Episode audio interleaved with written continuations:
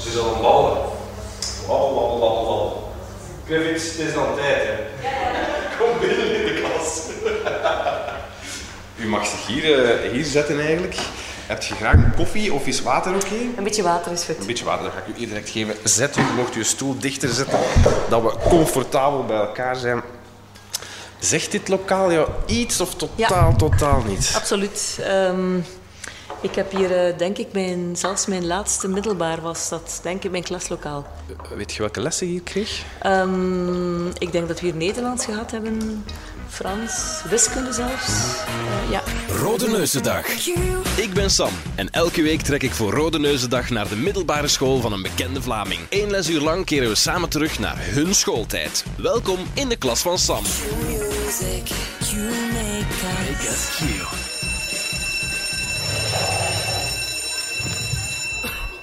Vlaams minister van Onderwijs Hilde Krevits zit vandaag in de klas van Sam. We zijn in Torhout in het Technisch Instituut Sint-Vincentius.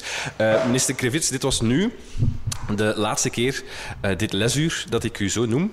Als dat oké is, dan ga ik u in deze klas vanaf nu gewoon ja, Hilde, Ja. Hilde noemen. Dat is ook mijn naam. Is Ja, dat ik heb geen andere naam dan Hilde. Zolang je mijn tweede en mijn derde naam niet gebruikt, is het goed. Die zal ik even achterwege laten. Eh, ik ben Sam, maar je mocht gerust meneer De Bruin zeggen als je dat plezieriger vindt. Maar dat kies Nee. je volledig. Nee, helemaal niet. Hoe voelt het nu om hier terug op school te zijn? Ehm, het is heel vreemd hoe dat een eh, geheugen werkt. Ehm, omdat op het eerste moment dacht ik van, tja, ken ik dat hier? En dan, ik moest eigenlijk de kant terugzien van waar ik vroeger binnenkwam om alle herinneringen te laten We terugkeren. hebben nu een andere, een andere ingang Ja, we genomen. hebben de andere, een andere ingang genomen, waardoor het mij minder vertrouwd overkwam. Maar dan eh, werd het plots weer helemaal eh, vertrouwd. Ik heb hier heel, heel vele uren eh, gesleten samen met mijn vriendinnen in de klas. Het waren allemaal meisjes. Ja. Het was een meisjesschool. En nu is dat al veranderd natuurlijk. Nu Zijn, zijn het allemaal positieve herinneringen die u wel heeft aan die tijd? Gemengd. Gemengd. Ehm, ik was geen modelleerling, maar ook geen grote rebel. Maar ik heb zo toen ik eh, ja, vanaf het vierde middelbaar, derde, vierde middelbaar ehm, in die leeftijd kwam, wat moeilijke jaren gehad. Zo, Wat overhoop met mezelf. Ik luisterde naar donkere muziek. eh, ik las eh, echt van die teksten waarvan ik nog depressiever werd. Eh, ik kon zo op mijn eentje liggen huilen in mijn bed over al de miserie in de wereld. Maar ehm, dat is dan iets beter geworden in het vijfde middelbaar. Ja. Maar in het zesde was ik eh, de regeltjes van de school zo, zo beu. En dat zie je ook als je naar mijn oude eh, schoolmappen kijkt. Zelfs een minister van Onderwijs kan dat voorhebben. Ja. Ja, maar dat was een, het was een hele goede school. Ik heb fantastische leraars gehad. Ook leraars die mij eh, geïnspireerd hebben om verder te studeren. Waar ik ook eh, heel veel van geleerd heb. Maar ik heb ook wat minder Ja. mooie momenten eh, gehad. Eh, Weet je dan hoe dat je daar dan uitgeraakt? Is dat gewoon ouder worden en gedu- geduld hebben? Ja, eh goede vriendin nog eens. Ja. Die is voor mij heel ontzettend belangrijk geweest in secundair Maar ja, onderwijs. daar kan je gewoon tegen vertellen hoe je je voelt. Maar dat lost niet, niet alles op. Ik deed ook veel sport. Ehm, dan ja, een Was dat een manier om, om met ja, vervelende gevoelens nog altijd. Sporten is voor mij ehm, een ongelooflijk... eh, ja, een afrodisiacum. Zo. Ik word daar blij van. Ja. En als ik mij niet goed voel, eh, dan kan mijn echtgenoot zeggen aan mij... Allee, trek je sportschoenen aan en maak hij weg zijn. Dan zeg ik van, ja, nee, en mijn knieën doen pijn. En dan toch doe ik het. Deze week bijvoorbeeld... eh, zei mijn woordvoerster, sms't mij eh, s s'avonds, gaan we morgen lopen. En we hebben een oude vrouwenloop gedaan in Brussel, de dinsdagmiddag, een half uur of drie kwartier. Dat heeft mij deugd gedaan. Onvoorstelbaar. Het was weken geleden, ik had niet zoveel tijd gehad de laatste tijd om te lopen. En ik dacht van, waarom loop ik niet veel vaker? Dus sporten is voor mij de uitlaatklep om mij goed te voelen. En had, je, had je het gevoel dat je de enige was die, die, die zo wat eh, donkerdere momenten dan had of zo? Of was dat iets dat, dat ook wel gedeeld werd met de, met de vriendinnen? Som, ik heb ja, eigenlijk Hans mijn schoolcarrière lang één echte, echte boezemvriendin gehad. Waar ik alle lief en leed mee deelde. Tot eh, eh, het eerste lief. Zou, zou ik of zou ik niet? Of eh, zo, alles werd besproken samen. Maar dat neemt niet weg dat je soms, ja, dat je soms wel alleen voelt. En zeker die leeftijd, zo, die Weltschmerz-leeftijd, zo, zo kan je het noemen. Die was bij mij ook wel eh, vrij fel aanwezig. Je had het net over je schoolmappen. Ik zie, Hilde, dat hier twee schoolmappen liggen. Is dat echt van, van toen nog? Maar Ja, ja. echt, maar dat is ik heb, eh, fantastisch. enfin, ik ben een dochter van twee onderwijzers. En eh, mijn ouders hebben mij geleerd dat je je schoolmappen moet sparen. Je hele leven lang. Dus ik ben eh, eens gaan kijken op zolder wat er nog terug te vinden is. En ik heb er een hele serie... Ik heb ze eigenlijk allemaal het is onbeleefd van mij, maar van welk jaar zijn deze mappen? Dat is het zesde middelbaar. Kijk jongens, zelf met het Ehm, handschrift erop. Welke, welke dat is richting? mijn map Latijn. Ik zat map Latijn. zesde middelbaar. Hier staan ook, eh, dit moet ik ook even zeggen, hier staan in de, in de kaft, in de kaft van de map staan ook echt liedjesteksten geschreven. Wel een mooi handschrift. Eh, ja, wel. Ik dacht... Ik vond altijd dat ik een heel lelijk handschrift had. Maar als ik nu terugkijk... Het is lang geleden dat ik dit, dat nog gezien heb. Dan vind ik dat wel meevalt eigenlijk.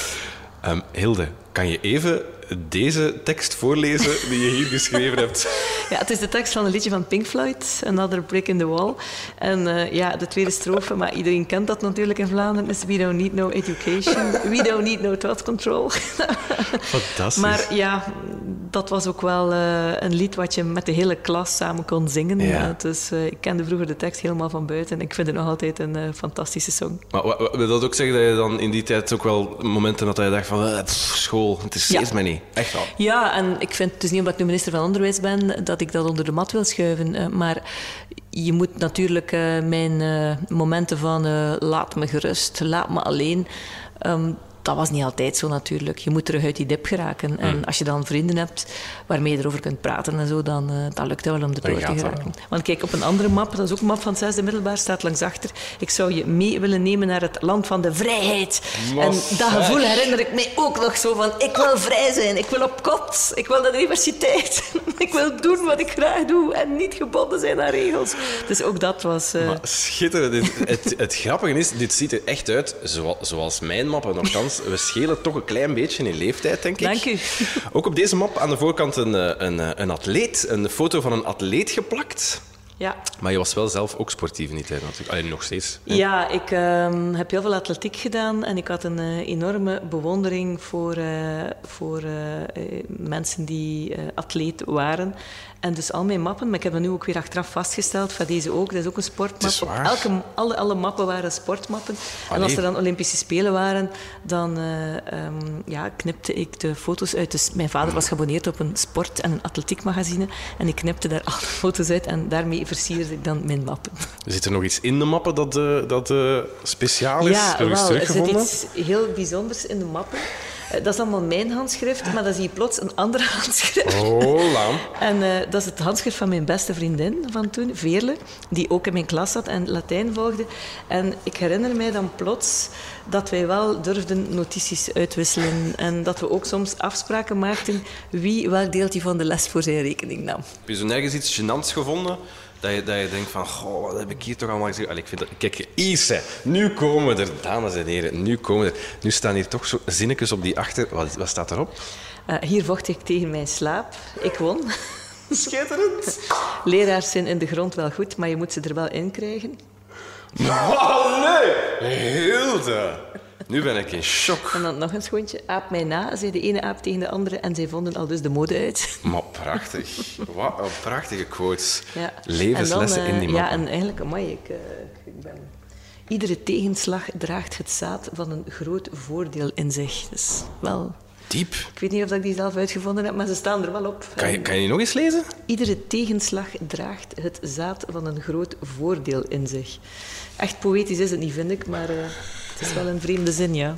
Maar wat betekent, wat betekent, wat betekent het? Ik denk dat het heeft, eh, dat het, om het met Johan Cruijff te zeggen, elk nadeel heb zijn voordeel, zeker? Ja, ik denk dat iedereen zo wel dingen heeft, zeker. Maar het is Ja. wel fijn om te weten dat zelfs een minister dat ook ooit heeft meegemaakt, zo'n dingen. En, ja, eh, en ja, en eh, enfin, ik kijk eigenlijk heel tevreden op mijn schooltijd terug. Maar het was wel een school die ook heel veel aandacht had voor ehm, eh, het welzijn van leerlingen. Ja. Wij konden, veel leerkrachten die eh, maakten ook soms tijd in de les om te vragen hoe gaat het met je, je voelt je minder goed in je vel, hoe zou dat komen? We hadden ook een, zo'n aantal belevingsuren, zoals dat heet. Ehm, of een Wat, soort wat is dat dan, die belevingsuur? dat was in, ja, je had godsdienstlessen en daarbinnen werd, was er wel eens een bezinning, maar ook eh, waren er eigenlijk lessen om expressielessen, waarin je ook moest leren om je gevoelens te uiten. Eh, of, we hebben daar ook geleerd hoe je roddelen roddelcampagnes uh, in het leven kunt roepen. Dus je start met een klein feitje en je moest dan doorfluisteren aan elkaar en er altijd een klein ingrediëntje aan toevoegen. En een heel banaal iets werd op het einde van de rit een enorm groot probleem. Wauw. Dus, uh, iets dat u dagelijks nog meemaakt in uw hoedanigheid van politica. Maar soms ben ik slachtoffer. Ik probeer zo zelden mogelijk dader te zijn van dergelijke campagnes. Maar um, dat vond ik wel goed op school, omdat uh, ja, ik vind het van belang dat je ook leert om, als je minder goed voelt, om daarover te praten. En dat het niet fout is om eens in de knoop te zitten, dat iedereen dat wel eens meemaakt. Mm. En ik vind dat scholen daar vandaag ook voldoende aandacht voor hebben, moeten hebben. Moeten hebben, ja. Want ja. Rode Neuzendag ehm, ja, focust zich daar dit jaar op natuurlijk, op, op scholen, deze editie. Um, je zegt ook, scholen zouden er moeten aandacht hebben. Denk, denk je dat het al gebeurt in scholen? Is er aandacht voor psychische problemen? Het uh, wordt sowieso beter. Dat uh, merken we. Er is ook vanaf dit jaar een uh, decreet op leerlingenbegeleiding. Dus vroeger was het zo. Dus toen ik net minister van Onderwijs werd, hmm. vroeg ik van ja, hoe kan de inspectie nu controleren of de leerlingenbegeleiding goed is? Ja. Ah ja, zeiden ze, het is geen oprichtingsvoorwaarde voor een school. Toen dacht ik, dat kan toch niet? Je moet toch, als je onderwijs geeft, ook een goede leerlingenbegeleiding hebben. Vanaf dit jaar is dat dus verplicht. Maar we zien dat scholen daar echt enorm in um, investeren. Uh, het kan natuurlijk altijd nog beter. Er is vrijheid van onderwijs en je voelt dat er scholen zijn die er echt mee um, naar buiten komen en zeggen: Kijk, wij zijn, je zou er kunnen van maken, wij zijn een Rode Neuzenschool. Een school die heel veel aandacht heeft voor dat mentale welbevinden. Maar ik zou het de max vinden als alle scholen hebt, Rode Neuzenscholen voilà, zouden worden. En je hebt dan ook scholen die daar minder de focus op leggen. Mm. Maar ik vind het van belang dat het uh, overal gebeurt. We hebben een bevraging gedaan bij 120.000 leerlingen naar hoe ze zich voelen op school. En wat ik het ergste vond, dat is dat um, vooral meisjes ja het uh, als het grootste probleem ervaren dat ze zo zelden positieve feedback krijgen. Oh, wow. En dat vond ik eigenlijk wel problematisch. Ook van leerkrachten, of vooral van ja, leerkrachten dus ik, dan? ik vind het goed dat je de lat hoog legt. Um, en dat je echt uh, zegt, ik verwacht heel veel van jou. En mm -hmm. ik mhm. wil dat je presteert en goede punten haalt. Dat is allemaal oké. Okay. Maar ik vind het ook van belang dat je positieve feedback krijgt. Er is heel wat te doen op deze dagen over de zesjescultuur. Ik kan me daar wel wat bij voorstellen. Wat maar is de zesjescultuur? betekent dat, je, dat vele jongeren uh, uh, tevreden zijn met een zes. En zeggen, we moeten ons ah, niet meer ja, inspannen. Maar mijn mama bijvoorbeeld, was, die, was, die was onderwijzeres. En die was heel kwaad toen ze mij eens hoorde spreken over de zesjescultuur. Want ze zei, ja, um, voor de ene leerling is een zes niks. Mm. En is dat een bewijs dat hij of zij zich niet inspant. Maar voor een andere leerling is een zes een enorm cijfer. En is dat de vrucht van hele hoge inspanningen? En is dat iemand die verder raakt dan, dan dat we gedacht hadden dat hij zou raken? En zegt ze, ja, je kwetst wel die groep jongeren dan, die zich enorm inspannen, een zes halen, gelukkig zijn, omdat dat ook echt wel het resultaat is van een grote inspanning. -hmm. Dus ik uh, vind dat wel correct. Dus ik heb ook wat... Uh, te leren van mijn mama. Ja, maar wat ik nu een beetje hoor, is ook dat uh, aandacht voor, voor psychische problemen op school ook in dat soort kleine dingen kan zitten dan eigenlijk. In bijvoorbeeld niet te streng zijn voor elkaar, zowel voor andere leerlingen als tussen leerkrachten en leerlingen. Is, dat zit ook een beetje in die dingen dan. Wel, er is niks fout aan hoge verwachtingen. Integendeel, jongeren waar niets van verwacht wordt, die voelen zich vaak ook niet goed in hun val. Want ja. voilà, je, je neemt de woorden uit mijn mond. Dus je moet echt het gevoel kunnen geven aan elke jongere van wij verwachten iets van jou. Mm. Jij bent belangrijk voor mij. Ik vind het belangrijk dat je je inzet, dat ja, je goed presteert. Doet. Je maakt mij daarmee ook gelukkig door jouw prestatie. Maar er is een groot verschil tussen die lat die je hoog legt en de, de feedback die je ook wel eens moet geven die goed is. Iedereen krijgt graag een complimentje en we zijn niet zo goed in het uh, geven aan elkaar van een compliment. En ja, ik denk dat, uh, dat psychisch welbevinden... Ik ben uiteraard geen psycholoog en ook geen, geen arts. Maar um, dat, dat goed gevoel in je hoofd... Dat wordt mee veroorzaakt ook door andere mensen. En we moeten naar uh, deze dagen, waar zoveel prikkels op ons afkomen, moeten we daar denk ik wat meer aandacht voor hebben. Denk jij nu soms van, had ik alles wat ik nu weet toen geweten, dan had het zo moeilijk niet geweest? Ja. ja. Dat is het rijke van ouder worden. Uh, de ervaring die je hebt maakt um, dat je wat meer rust hebt. Dat ja. je tegen een stootje kan. En uh, ik was heel onzeker toen ik uh, 15, 16 jaar was. Uh, ook nog toen ik startte aan de universiteit. Ik legde de lat bijzonder hoog voor mezelf. Ik, had, ik was nog altijd trouwens enorm zelfkritisch. Als er iets fout loopt, dan ga ik mezelf altijd helemaal analyseren van wat heb ik allemaal verkeerd gedaan. Maar als ik nu terugblik op wat er na al die onzekerheid, of met al die onzekerheid met mij gebeurd is, dan denk ik heel, het was eigenlijk niet nodig om, Hmm. om zo onzeker te zijn. Maar moeten we daar niet voor zijn, zo'n zo'n dingen? Moeten we, moeten we gewoon niet al op voorhand ervoor zorgen dat, dat jongeren en kinderen eh, weerbaar zijn? Ja. Moeten we dat niet in, in lessen leren? Een klein voorstelletje, hè? nu we hier toch samen zitten. Laten we die godsdienstlessen wegdoen, laten we aardrijkskunde wegdoen en iets installeren dat enkel en alleen over dat psychisch welzijn gaan. Ha, ik weet niet of ik dat zo, zo extreem wil. Als ik zeg ik zou een rode neuzenschool willen dat elke school een rode neuzenschool is, dan zou ik eigenlijk willen dat het in het DNA zit van elke leraar. En dat eh, of je nu aardrijkskunde geeft of geschiedenis of godsdienst, want ik vind godsdienst wel een waardevol eh, vak, dat je die aandacht voor die kleine dingen, eh, dat, je dat, ehm, dat je dat hebt. En dat je dat vooral niet verstopt in één vak van één uur per week. Als je wil dat jongeren zich goed voelen, dan moeten ze weten, ook al klikt het met de ene leraar beter dan met de andere.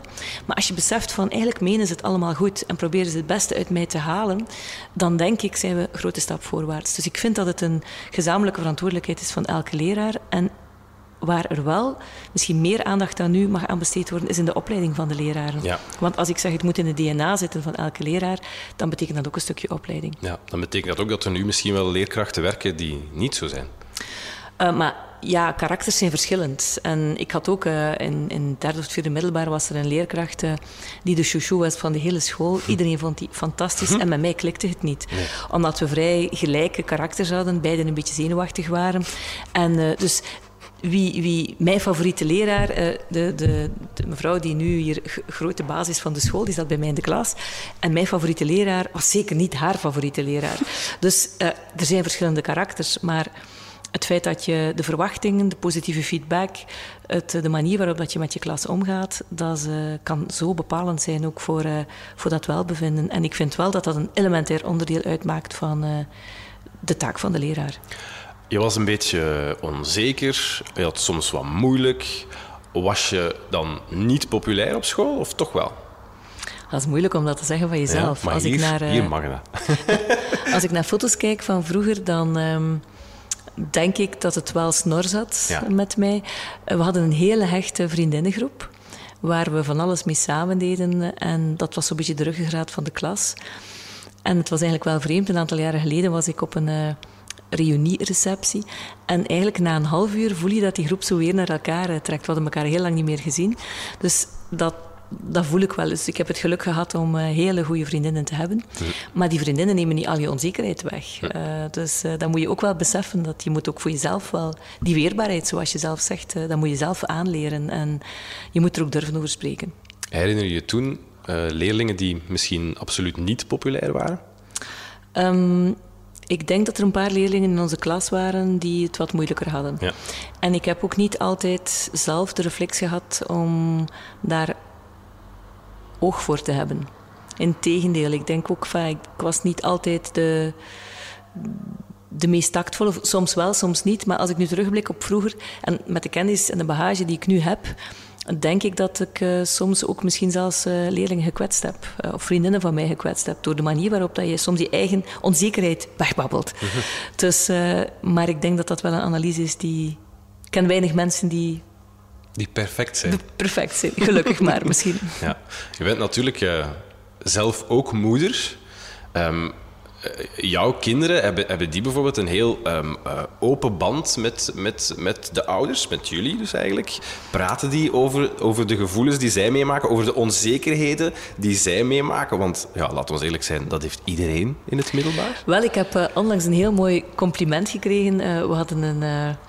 Enfin, we komen uit een heel drukke periode ook van campagne voeren. En mm -hmm. er was een van de kandidaten op onze lijst, die veel, veel jonger is dan ik, die uh, zei tegen mij, um, die was een paar keer bij ons thuisgekomen en we zaten een aperitief te drinken met de kinderen. En die zei, ik vind dat zo fantastisch uh, hoe dat bij jullie eraan toe gaat. De kinderen komen thuis, die pakken een aperitief, die zetten zich in de zetel en jullie aperitieven zo samen. Dus ik denk wel dat wij een zeer open band hebben met de kinderen. Ik weet niet of ze alles aan mij vertellen. ik hoop van niet. Maar um, de elementaire zaken of op de momenten waarop het moeilijk was, hebben ze het wel altijd gedeeld. Ja. En op een bepaald moment toen een van de kinderen het, uh, dat ik wist dat, het moeil- dat, dat, dat er problemen waren, uh, zijn we gewoon uh, op weekend vertrokken. Ik heb een hotel geboekt, gezegd tegen een van de kinderen en nu zijn we weg twee dagen en we gaan praten tot, het uit, allee, tot, Ja. tot de zorgen een beetje voorbij zijn en dat is gelukt. Ja, want het is natuurlijk het is, het is ook een tijd echt moeilijk geweest, ook voor jullie gezin, ook met, eh, met, met je zoon Met de Bram. zoon die ziek was, Ja. ja. Ja. Ja, Ja, maar dat is eh, heel vreemd. ehm, en voor mij een ontdekkingstocht geweest bij mezelf. Die periode, ehm, dat was een afschuwelijke periode fysiek voor, eh, voor Bram.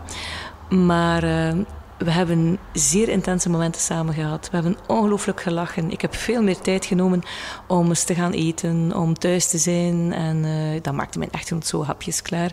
Dus eh, het is een periode dat, waar ik beseft heb dat in de eh, onzekerheid die je hebt van gaat hij blijven leven, gaat hij terug gezond worden, dat je dat pakket dat dat toch niet verhindert dat je ontzettend kan genieten, Ja. ook in die periode. Dus ook al is er zo'n grote tegenslag, ehm, het, ja, je, je moet je niet schuldig voelen als je dan toch geniet, ook in die periode. Ja. Want je leeft maar één keer. Want het is echt eigenlijk heftig om het zo te horen, zoals u het, het nu eh, omschrijft. En ik kan me inbeelden dat dat als moeder Ja. verschrikkelijk is. Echt ja, verschrikkelijk. ja, maar natuurlijk, wij hadden het geluk dat, ehm, dat men zei, ja, het is lymfeklierkanker.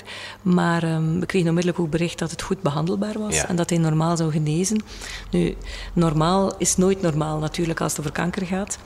Ehm, maar wij hebben, eh, enfin, is, het was een voorbeeldpatiënt, hij is blijven werken ook de weken dat het ging. eh, hij doctoreert en hij wilde naar de universiteit per se, dus we hebben dat ook toegelaten. Maar je hebt dan zo de neiging om eh, bang te zijn voor alles, voor infecties, dat hij ziek zou worden. Maar ik denk ook voor zijn mentaal welbevinden dat het zo belangrijk was dat we zeiden, doe maar, pak dat risico, ga eh, toch maar werken en het is goed gekomen, voorlopig toch. Oh, Was het fenomeen overbeschermende ouders iets dat je herkende dan? Ja, maar je hebt het op veel momenten in je Ja. leven. Eh, dus bijvoorbeeld als toen onze eh, dochter en onze zoon voor het eerst met de fiets naar school gingen, of met het boekentasje. Bij ons was in Torro, dus ja, alles is hier dicht bij elkaar, was het traditie eh, dat je vanaf het eerste leerjaar te voet naar school mag, alleen. En ik zie mij nog eh, samen met mijn echtgenoot kijken toen ehm, een van onze kinderen voor het eerst te voet naar school ging. En dan keken we, we spraken altijd af van we gaan elkaar het ook nooit verwijten als er iets gebeurt.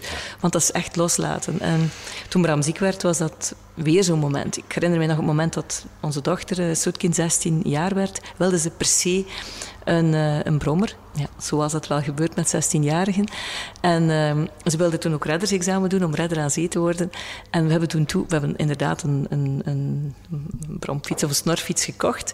En ze mocht toen alleen met de snorfiets naar Brugge om daar lessen, eh, redderslessen te volgen. En de eerste keer was ik zo bang, zo bang, dat ik met de wagen achter haar gereden ben en constant uit het raam zat te roepen, Soetkin, nu naar rechts, nu naar links. En dat was veel gevaarlijker. En dat ik van alleen dat doet je toch niet. Dat is ongelooflijk Ik, gevaarlijk. ik heb het ook maar één keer gedaan. Ja, dat is, dat is, dat is best inderdaad. Dus loslaten is niet echt mijn sterkste eigenschap, maar het moest. En ehm, ook bij, toen Bram ziek werd, eh, konden we niet anders dan loslaten en hem toch toelaten dat hij, dat hij genoot. Ja. Kon hij ook op zo'n moeilijk moment, dat is lichamelijk een heel moeilijk moment, maar dat brengt natuurlijk ook eh, in uw hoofd zoveel met zich mee. Kon, kon hij daar ook ergens mee terecht? Ehm, we hebben daar niet zo vaak over gesproken, maar we hebben wel allerhande zaken uitgeprobeerd. En hij was bijvoorbeeld toen hij chemo kreeg, de dagen daarna was hij altijd erg ziek. En vrienden van ons die hebben een zoon in dezelfde leeftijd van eh, onze zoon. En we zeiden aan hen, ziet je het zitten om de vrijdagavond dan eh, te komen? En die kwamen en voor ons kwam hij zeker zijn bed niet uit, maar als hij wist dat zij er waren, dan kwam hij toch zo met een dikke jas en een zonnebril op, kwam hij toch buiten zitten en soms werd er zelfs gelachen. Dus Ja. we hebben toen gemerkt dat wat hij bij ons minder goed kwijt kon, omdat hij ons ook zo goed kent, dat door het feit dat de vrienden er waren en ook een leeftijdsgenoot van hem, dat dit hem wel toch uit dat isolement en uit die, die, die miserie een beetje trok. Dus eh, we hebben veel geleerd eigenlijk, maar het Ja. was met vallen en opstaan, want op, er bestaat geen draaiboek op zo'n moment. Nee, dus eh, je moet een beetje zoeken. Maar ik vind dat sowieso al iets moeilijk. Ik vraag me wel af, hoe, hoe, hoe doet je dat als ouder? Ervoor zorgen dat je kind zo zorgeloos mogelijk zijn of haar jeugd kan, kan beleven. Hoe doet je dat? Eh, eigenlijk van als je kind geboren wordt, is het een oefening in loslaten. Het is vooral dat. En uh, ja, omdat uh, ja, in het begin zijn ze zeer hulpeloos. En een klein ja, een babytje, daar moet je alle zorgen aan geven. Dat moet je nog niet loslaten. Nee, dat moet je vooral niet loslaten. Maar vanaf het ogenblik dat uh, ze beginnen kruipen, wandelen, ja. ontstaat dat eigen karakter. En dat is de kunst van het leven om, om dat zo goed mogelijk te doen. Maar we zijn als ouderen, ondanks alles wat we lezen op voorhand ben je toch, ik heb het nu twee keer meegemaakt, ben je toch uh, vooral wat hulpeloos in het begin. Ja. En mijn echtgenoot en ik hebben eigenlijk echt geïnvesteerd ook in dat weerbaar maken van de kinderen. Ik vind dat ook, al, dat is niet alleen de taak van de school, dat is ook een taak uh, die je hebt als ouder om uh, te investeren in dat zelfvertrouwen van je kinderen. En soms heb ik het gevoel dat onze kinderen op onze schouders staan. Dat ze zelfbewuster door het leven gaan dan ik was toen ik uh, kleiner was. Ja? Uh, en eigenlijk heeft mijn echtgenoot hetzelfde gevoel. En komt dat dan um, door de dingen die jij geleerd hebt? Hè? Door, door, door, wat je hebt meegemaakt als de jonge Hilde en, en dat je dat meeneemt en doorgeeft? Ja, zaken dat je... Um, maar je herkent dat misschien, maar ik heb in mijn jeugd ook dingen ervaren dat ik zei van... Ik wil, ik wil toch, uh, als ik kinderen heb, ik ga dat proberen door te geven, Mhm. zo, dat ze daar of daar niet bang moeten voor zijn. En voor mijn echtgenoot was dat hetzelfde. Dus we hebben eigenlijk wel... Ja, we praten ook soms wel over onze jeugd en wat we minder goed en beter vonden. Ik was bijvoorbeeld aan de universiteit vrij onzeker. Ik, ik ging nooit mijn vinger opsteken om een vraag te stellen aan de prof. Uh, toen de kinderen naar de universiteit gingen, hebben we gezegd van... Allee, laat u opmerken in het begin. En uh, uh, je bent evenveel waard als een ander. En de Torhoutse school is zeer goed van kwaliteit. Dus wij hebben, ik was de eerste van mijn familie die naar de universiteit ging. Dus Ja. als je kinderen dan zelf naar de universiteit gaan dan staan ze een beetje op, jou, op jouw schouders. En ik vind het heel mooi om te zien, uh, na wat er bijvoorbeeld met uh, onze zoon gebeurd is, uh, hoe, hoe hij toch die positieve kant van dat leven is blijven zien. En uh, nu is hij in Amerika en de levenslust spat er vanaf. Althans Super. via Skype. in ons geval. Zo kom je het dan toch nog te weten. Ja. Um, ik neem wel aan dat ze niet alles van jou weten. Nee. Zijn, zijn er dingen die je nu via... van vroeger, de, van de jonge Hilde, van toen ze in het middelbaar zat, die je hen nog nooit verteld hebt. Absoluut. en die je dus ook nooit zal vertellen. Ja, klopt. Echt waar? Ja. Ja, ik vind uh, over je eerste relaties bijvoorbeeld... Uh, dat Allee. Daar vertel je toch niet alles over? Allee, Hulde. Nee. Toch nee. wel? Nee, nee. Dat is toch... Dat is toch net dezelfde ervaring die ze, die ze, die ze maar kunnen meenemen. Ik, ik vind het goed dat ze dat met hun vrienden delen. Ik hoef ook niet per se alle details van hun relaties te weten. Ah, okay, dus dat is wel een duidelijke grens die afgebakend wordt. Ja, als je wil vertellen is dat geen probleem. Maar de kinderen hebben daar ook nog nooit naar gevraagd. Wel van, hoe van mijn man en ik, van hoe hebben jullie elkaar leren kennen en zo. Ja. Maar er zijn zaken die... Of uh, bijvoorbeeld de keren dat je, dat je een misverstand hebt of zo. Dat vind ik niet nodig dat je dat... Uh, ja. Ze weten niet over alle liefjes die er gepasseerd zijn in de middelbare school. Dat is ook niet nodig. En uh, van mijn zoon uh, is het duidelijker dan van onze dochters. Ja. Dus, uh. um, nog één vraagje die ik graag wil stellen. Heeft Hilde ooit moeten nablijven op school? Ja. Wat had Hilde gedaan? Wel, ik weet het niet meer. maar, maar, ik weet wel nog dat ik de hele woensdagmiddag meer dan één keer in die studiezaal heb moeten zitten. Meer dan één keer? Ja, en ik denk dat het was omdat ik te laat kwam. Ja, dus ik vermoed was, dat het dat was. Het was wel terecht. Ja, ik heb ook een keer een nul gekregen, um, of toch een paar keer denk ik, omdat ik af... Ja, enfin, geen commentaar. Hoezo geen commentaar? Als je A zegt, moet je B zeggen. Wat heb je uitgestoken? Nee, niks, niks belangrijks. Hoe niks belangrijks als je er een nul voor krijgt? Ja. ja ik had met een... Uh, we zaten alfabetisch uh, geordend om een uh, schriftelijke beurt te maken. En ik had met mijn vriendin afgesproken om elk de helft van de cursus te leren. Maar we zijn betrapt in het scheel kijken naar oh, elkaars plaats. Nee, dat zijn beginnersfouten. Ja. Dat zijn echt beginnersfouten. Het kan gebeuren. Heb je enig idee wat voor trucjes uw kinderen al hebben uitgehaald om te spieken op examens? Nee, en ik wil het ook niet weten. Kop in het zand. Ja, ik zeg aan mijn kinderen altijd, je moet studeren voor het leven. Dus uh, studeer toch met de hele cursus en ja. niet de helft. Ja, er zijn andere mensen die zeggen, vals spelen is ook spelen. Hè? Maar dat is, dat, is, dat is misschien een ander verhaal natuurlijk. Oké, okay, heel erg fijn. Ik denk dat dit uh, lesuur erop zit. Minister Hilde Krevits, heel, heel fijn. Ik ga wel nog even door uw mappen bladeren, ja, als ik mag. Gewoon om nog eens te kijken. Uh, bedankt om hier te gast te zijn in um, de klas van Sam. Ik ga u geen strafstudie uitschrijven. Dank u wel. voor vandaag. En vergeet misschien toch ook niet om op het kabinet eens rond te gaan om rode neuzen te verkopen. Ja. Want uiteindelijk is het binnenkort Rode Neuzendag. En dan gaan we hier hopelijk wel wat kunnen uh, veranderen voor jongeren die het heel erg lastig hebben. We zijn uh, binnen onderwijs en op het kabinet ontzettend blij dat de aandacht uh, gaat naar het welbevinden op school. Super. Dankjewel, Hilde Krivit. Graag gedaan. Q music, you make us. Make us Q.